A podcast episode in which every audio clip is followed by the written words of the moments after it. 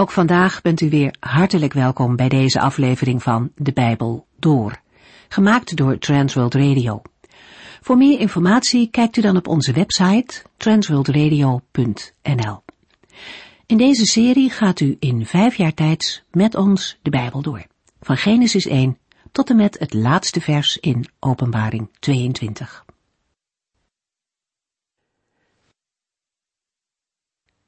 In onze vorige uitzending over Jeremia 14 ziet het er niet zo rooskleurig uit voor Juda. Er heerst een grote droogte, waar de bevolking zwaar onder te lijden heeft. Het gaat niet zomaar om een moeilijke tijd, het volk heeft het aan zichzelf te danken. Men is ontrouw geworden aan God en krijgt nu met de gevolgen daarvan te maken. Maar nood leert bidden. En ook Juda richt zich in deze narigheid tot God.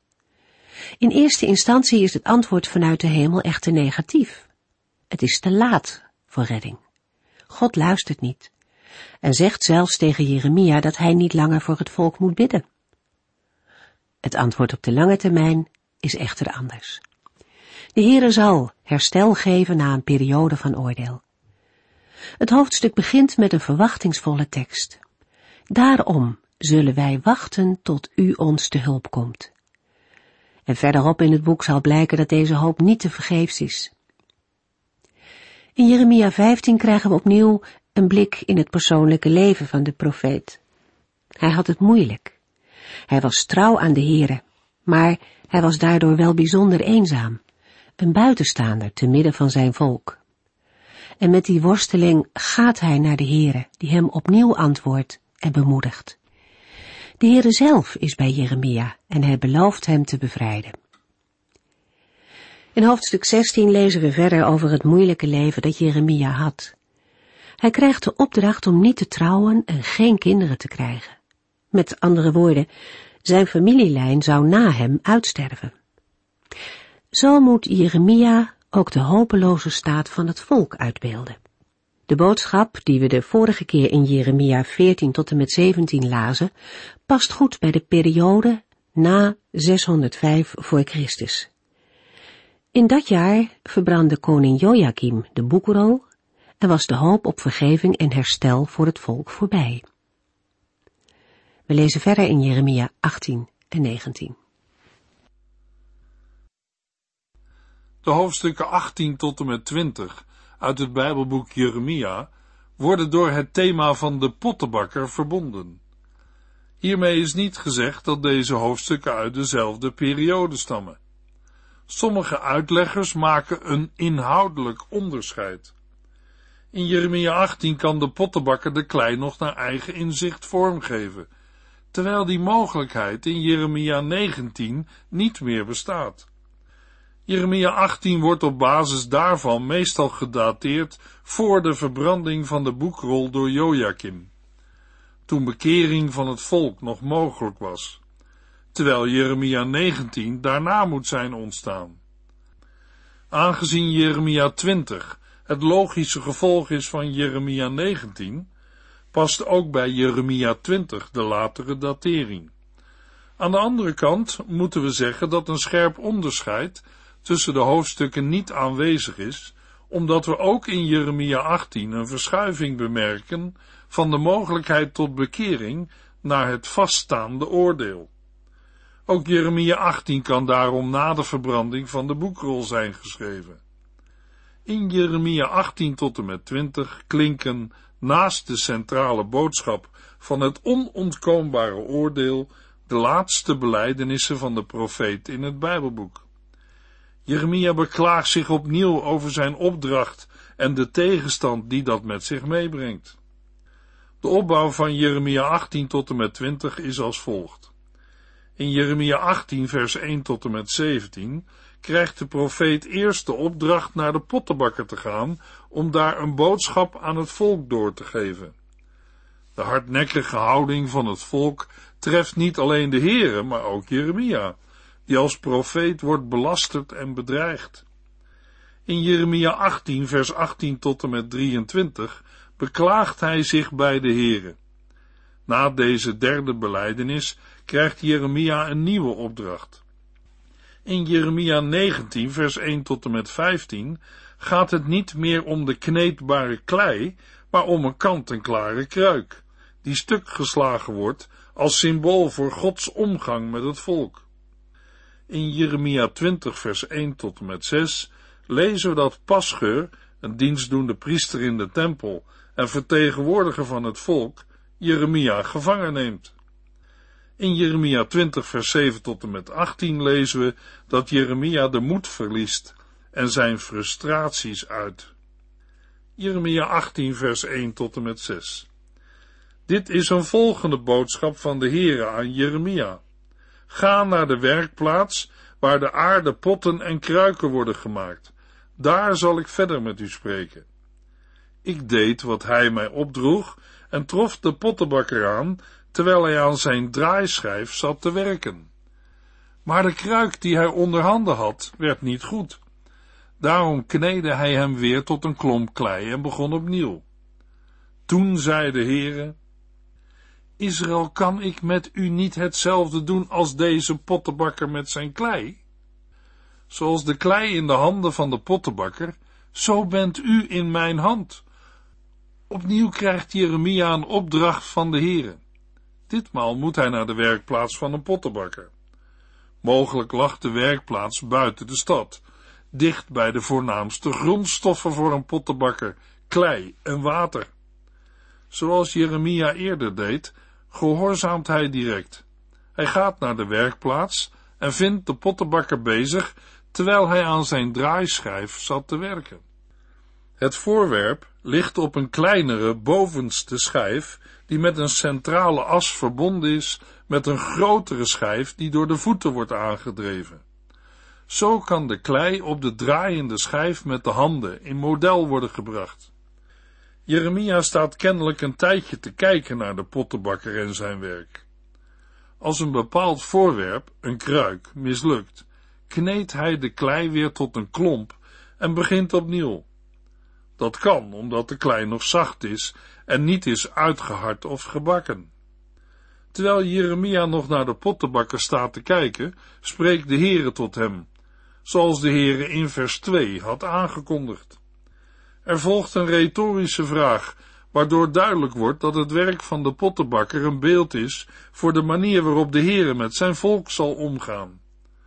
De vraag wordt niet alleen gesteld, maar ook bevestigend beantwoord. Zoals de klei in de handen van de pottenbakker, zo bent u in mijn hand. Opvallend dat we in vers 6 de naam Israël lezen. Het heeft in Jeremia 18 betrekking op Juda en Jeruzalem, maar doet ook denken aan de twaalf stammen van Israël. Zij zijn als klei in de hand van de Heere. Hij kneedt en vormt hen, zoals hij het wil. Net zoals de pottenbakker vrij is in zijn handelen met de klei, is de Heere vrij in het handelen met zijn volk. Naast de genoemde vrijheid van handelen, wordt daarmee ook de aandacht en zorg van de Heere voor zijn volk tot uitdrukking gebracht. Het beeld van een pottenbakker met klei zijn ook in het Nieuwe Testament te vinden. In Romeinen 9 vers 21 lezen we, een pottenbakker mag met een stuk klei doen wat hij wil. Hij maakt er een mooie, kostbare vaas van of een gewone pot. Later gebruikt Paulus het beeld van aardewerk in bredere zin, toen hij aan Timotheus schreef, in een groot huis heeft men niet alleen borden van goud en zilver, maar ook van hout en aardewerk. De dure borden worden voor de gasten gebruikt en de goedkope voor dagelijks gebruik. Als je je niet met de zonde inlaat, zul je zijn als een van die borden van zuiver goud, de beste in huis, zodat Christus je kan gebruiken voor zijn hoogste doelen. Jeremia 18 vers 7 tot en met 10 Als ik aankondig dat een land of koninkrijk moet worden vernietigd, en dat volk keert terug van zijn zondige wegen, dan wil ik mijn genade tonen, en zal ik het niet vernietigen, zoals was aangekondigd. En als ik aankondig dat ik een land groot en machtig zal maken, maar dat land begint te zondigen en weigert mij te gehoorzamen, dan zal ik van gedachten veranderen en dat land niet zegenen, zoals ik had beloofd. Het beeld van de vrijheid van handelen van de Heere wordt niet alleen op Israël, maar ook op alle andere volken en koninkrijken betrokken. Hierin komt een waarschuwing voor Israël naar voren.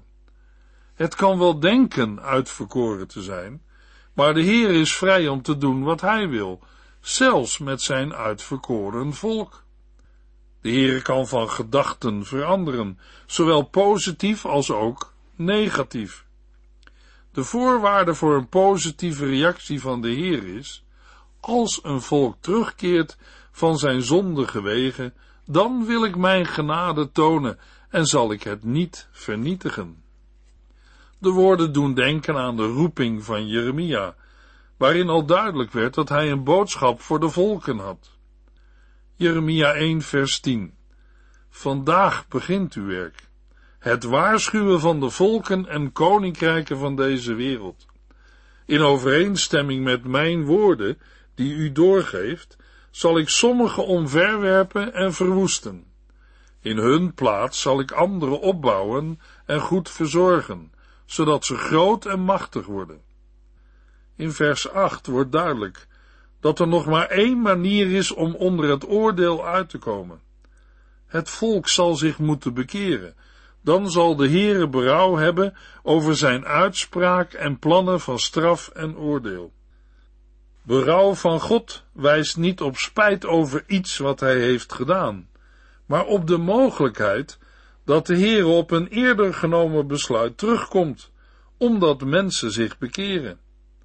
Het voorbeeld van de klei kan dan ook niet te ver worden doorgevoerd. Mensen zijn voor de Heere niet gelijk aan onmondige klei, maar zij worden beoordeeld op hun daden en kunnen met hun bekering berouw bij de Heere opwekken. Maar andersom is het ook mogelijk dat de Heer in eerste instantie op positieve wijze over een volk of koninkrijk spreekt. Opnieuw moeten we dan weer denken aan Jeremia 1 vers 10. Er zijn dan wel plannen van opbouw en groei, maar die plannen kunnen door het gedrag van het volk worden veranderd. Bij zo'n verandering is er geen sprake van bekering, maar het tegenovergestelde, namelijk ongehoorzaamheid. Als het volk voor het kwade kiest, trekt de Heere zijn positieve plannen weer in. Jeremia 18 vers 11 en 12 Waarschuw daarom Juda en Jeruzalem met deze woorden. Luister naar de woorden van de Heere. Ik ben van plan ramp over u voor te bereiden. Dus bekeer u van uw zondige praktijken en doe wat goed is. Maar zij zullen antwoorden: Verspil uw energie maar niet. Wij zijn echt niet van plan te doen wat God zegt. Wij maken zelf wel uit wat wij doen. En we zullen gewoon doorgaan met alles wat ons hart ons ingeeft, ook al is dat zondig. Jeremia moet de algemene uitspraken concreet toespitsen op het volk Juda. De boodschap is dat de plannen die de Heere met Juda en Jeruzalem heeft, negatief zijn. De ellende en het plan liggen in de lijn van het vernietigen in vers 7. Maar, zoals gezegd in vers 8, bekering van het volk kan die plannen veranderen. En daarom klinkt de oproep: bekeer u van uw zondige praktijken en doe wat goed is.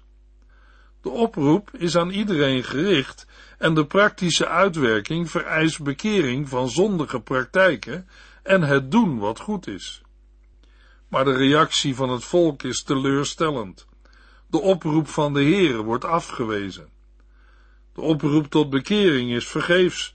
Het volk kiest ervoor een eigen weg te gaan. Het is alsof het volk wel heeft geluisterd, maar niet heeft begrepen dat het nu nog als klei gevormd kan worden naar Gods wil. Het heeft de moed en mogelijk ook de wil op verandering opgegeven. Zo veroordelen zij zichzelf. De wil om zich te bekeren is er bij het volk niet. Jeremia 18 vers 13 tot en met 17. Toen zei de Heere, zelfs onder de heidenen heeft men nog nooit zoiets gehoord. Mijn volk heeft iets gedaan wat te vreselijk is om te begrijpen. De sneeuw hoog op de bergen van de Libanon smelt nooit. De koude bergstromen die over de hellingen van de bergen naar beneden komen, drogen nooit op. Daarop kan men rekenen, maar niet op mijn volk, want dat heeft mij vergeten en zich tot waardeloze afgoden gewend. Het heeft zich afgekeerd van de aloude goede wegen en bewandelt nu de modderige paden van de zonde, waarop men makkelijk struikelt. Daarom zal het land een verlaten wildernis worden en een aanfluiting voor ieder die er doortrekt. Men zal verbaasd het hoofd schudden over deze troosteloze verlatenheid. Ik zal mijn volk voor zijn vijanden uiteenjagen, zoals de oostenwind het stof opjaagt, en ondanks alle mogelijkheden zal ik het de rug toekeren en geen aandacht schenken aan zijn nood. De Heere spreekt opnieuw en roept op onderzoek te doen onder de volken, of er onder de heidenen iemand ooit iets heeft gehoord dat vergelijkbaar is met de zonde van Israël. De vraag is retorisch, en de gedachte is dat iets afschuwelijks, zoals nu gebeurt in Israël, nergens anders ooit heeft plaatsgevonden.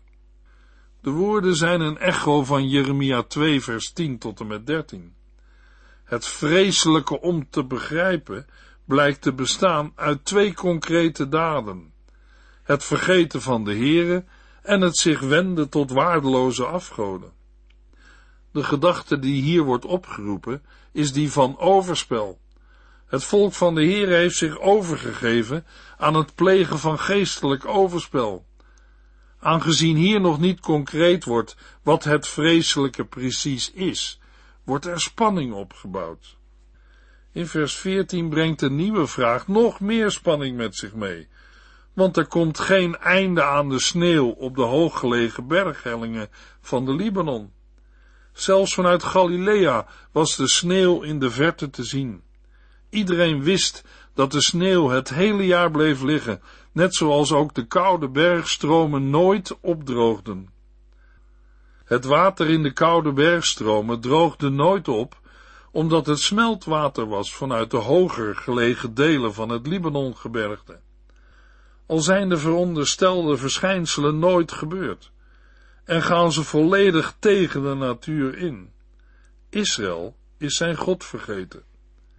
Hiermee wordt na de spanningsopbouw eindelijk duidelijk wat het vreselijke en tegennatuurlijke van het volk is. Juda heeft de Heere, de enige ware God, ingeruild voor waardeloze afgoden, waaraan ze offers hebben gebracht. Het zich wenden tot de afgoden heeft hen van het rechte pad afgebracht en doen struikelen. De aloude goede wegen zijn die van het verbond met de Heere. Die wegen zijn vertrouwd, bekend en goed begaanbaar. Maar het volk heeft die bekende paden bewust verlaten. Ze hebben de modderige weg van de zonde gevonden, waarop zij makkelijk struikelen. Zo zijn ze afgedwaald en hebben hun land tot een verlaten wildernis en aanfluiting gemaakt. Voorbijgangers schudden het hoofd en tonen daarmee hun verbazing en verachting. Voor iedere voorbijganger zal zichtbaar worden dat de gevolgen van Juda's vreselijke daad rampzalig zijn geweest. De hete en droge oostenwind, een sirocco, was berucht in Israël vanwege de verwoestende gevolgen voor mensen, dieren en gewassen. In Jeremia 18 staat de oostenwind symbool voor het oordeel van de Heere. Zoals de oostenwind het stof opjaagt, zo zal de Heere zijn volk uiteenjagen. Het zal worden opgejaagd en in ballingschap worden weggevoerd. Op de dag dat dit onheil over Juda komt, zal de Heere zich niet meer met het volk bemoeien. Het hardnekkige volk zal meemaken dat de Heer een plan heeft om het volk te vormen en te kneden in het oordeel, opdat zij zullen terugkeren tot God. Jeremia 18 vers 6 tot en met 10 vormen een belangrijke aanwijzing voor de interpretatie van profetieën. Deze zijn vaak voorwaardelijk. In Jeremia 18 vers 18 tot en met 23 lezen we de vierde persoonlijke klacht van Jeremia. Voor de vierde maal klaagt Jeremia in een beleidenis zijn nood voor de Heere. Het volk, of in ieder geval een groep uit het volk, kan de woorden van Jeremia niet verdragen en besluit tegen hem op te treden. Ze beramen plannen en willen hem doden. De vijanden van Jeremia denken zonder hem beter af te zijn. Ze vertrouwen op de voortgang van de geestelijke leiding door de gevestigde ambten, priesters, wijzen en profeten. Jeremia beklaagt zich bij de Heere. De vijanden luisteren niet naar hem, maar hij heeft het vertrouwen dat de Heere wel naar Jeremia luistert. De gedachte is dat God het onrecht ervan ziet en het bestraft. Jeremia pleit bij de Heere op zijn gehoorzaamheid aan de Heere. De profeet heeft toch gedaan wat goed is? Hij heeft zich ingezet ten gunste van het volk om Gods toorn te voorkomen. Zou de Heer het dan toestaan als zijn gedrag met kwaad wordt vergolden? Zo probeert hij de Heere te overtuigen om voor hem op te komen. De tegenstanders zijn actief en hebben een valkuil voor Jeremia gegraven. Het is niet duidelijk of dit letterlijk of figuurlijk moet worden opgevat. In ieder geval hebben de vijanden een plan beraamd om Jeremia ten val te brengen. Zij willen hem doden. In vers 21 vraagt Jeremia om hun ondergang. In feite vraagt hij om de vervulling van de woorden die hij namens de Heere had gesproken. Jeremia's tegenstanders zullen meemaken wat ze hem dachten te kunnen aandoen. Ze hebben moeite gedaan om hem te vangen, met als doel hem te doden. Nu vraagt Jeremia vanwege die plannen om het oordeel over hen. Het oordeel over zijn vijanden vormt de troost en bescherming die Jeremia nodig heeft. Jeremia 19 vers 1 tot en met 5 De Heere zei, koop bij een pottenbakker een aarde kruik en breng die naar het dal Ben Hinnom, bij de zuidelijke poort van de stad. Neem enkele leiders van het volk en enige oudere priesters mee en zeg tegen hen wat ik u ingeef. Luisteren naar de woorden van de Heere, koningen van Juda en inwoners van Jeruzalem. De Heere van de hemelse legers, de God van Israël, zegt, ik zal een vreselijke ramp over deze plaats brengen, zo vreselijk, dat van hen die ervan horen de oren zullen tuiten. Want dit volk heeft mij verlaten, en heeft dit dal veranderd in een plaats van schande en afgoderij. Het volk verbrandt hier reukwerk voor goden, die deze generatie, hun voorouders en de koningen van Juda nooit hebben gekend. Ze hebben dit dal doordrenkt met het bloed van onschuldigen. Ze hebben hoge altaren gebouwd voor Baal, waarop zij hun kinderen als offers verbranden. Zoiets heb ik hun nooit bevolen, en dat zou ook nooit in mij zijn opgekomen. Opnieuw krijgt Jeremia een concrete opdracht van de Heer. Dit keer moet hij een kruik van aardewerk kopen. De profeet moet een aantal leiders op bestuurlijk en geestelijk vlak meenemen, om aanwezig te zijn bij de symbolische handeling die met de kruik moet worden uitgevoerd, en bij de profetie die daarop zal volgen. Het hele gezelschap moet naar het dal Ben Hinnom gaan, waar Jeremia namens de Heere zal spreken. Het dal wordt elders in verband gebracht met afgoderij en het offeren van kinderen aan de moloch. Het lag ten zuidwesten van Jeruzalem. Josia had het dal verontreinigd om de afgoderij tegen te gaan. De woorden die Jeremia spreken moet zijn gericht tot de hele bevolking, van hoog tot laag. In de aanwezigen zijn alle groepen van de bevolking vertegenwoordigd. De Heere zal onheil over deze plaats brengen. Hiermee zal niet aan het dal alleen zijn gedacht, maar aan de stad Jeruzalem, in het bijzonder het heiligdom en het land. Het tuiten van de oren benadrukt de ernst van het oordeel. De reden voor het onheil is de afgoderij waarmee het volk het land heeft ontwijd. De voorouders waren daar verantwoordelijk voor, maar ook de huidige generatie, En zelfs de hoogste autoriteiten hebben zich er schuldig aan gemaakt. De afgoderij had de dood van velen tot gevolg. Ze hebben hoge altaren gebouwd voor Baal, waarop zij hun kinderen als offers verbranden. Zoiets heb ik hun nooit bevolen, en dat zou ook nooit in mij zijn opgekomen. De vrede ironie is dat Juda de kinderen heeft opgegeven voor vreemde goden, en daarmee hebben zij de Heere zo vernederd dat hij hen nu veroordeelt. Het zijn de verschrikkelijke gevolgen van verbondsbreuk. Na de woorden te hebben uitgesproken, moet Jeremia de kruik stuk slaan, zodat iedereen het ziet. Namens de Heere verkondigt de profeet dat het volk en de stad zo worden verbroken als de kruik. De kruik wordt zo kapot geslagen dat er geen herstel meer mogelijk is. De kruik is onherstelbaar, zoals het hart van het volk ongeneeslijk werd genoemd.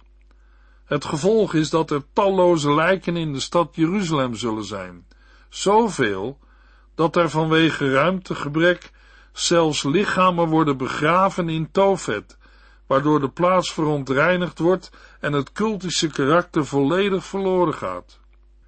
Jeremia 19 vers 15 De Heere van de hemelse legers, de God van Israël zegt over deze stad en al de haar omringende steden zal ik alle rampen brengen die ik ooit heb aangekondigd, want u hebt koppig geweigerd naar mij te luisteren. De reden voor het oordeel is de afgoderij van het volk.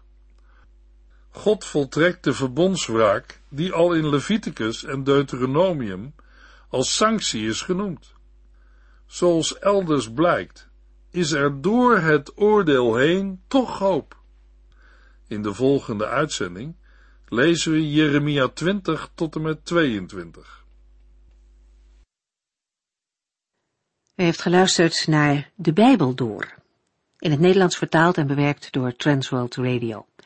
Een programma waarin we in vijf jaar tijd de hele Bijbel doorgaan.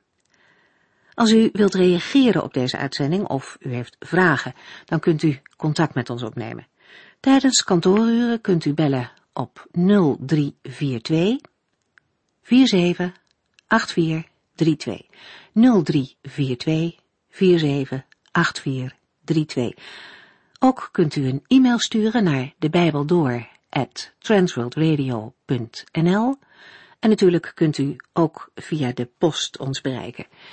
TWR, postbus 371, postcode 3770, AJ in Barneveld. Dit programma werd gepresenteerd door Cor Weda en Ike André. Techniek was in handen van Odin van Voerkom. En wij allemaal bedanken u voor het luisteren. Graag tot de volgende keer.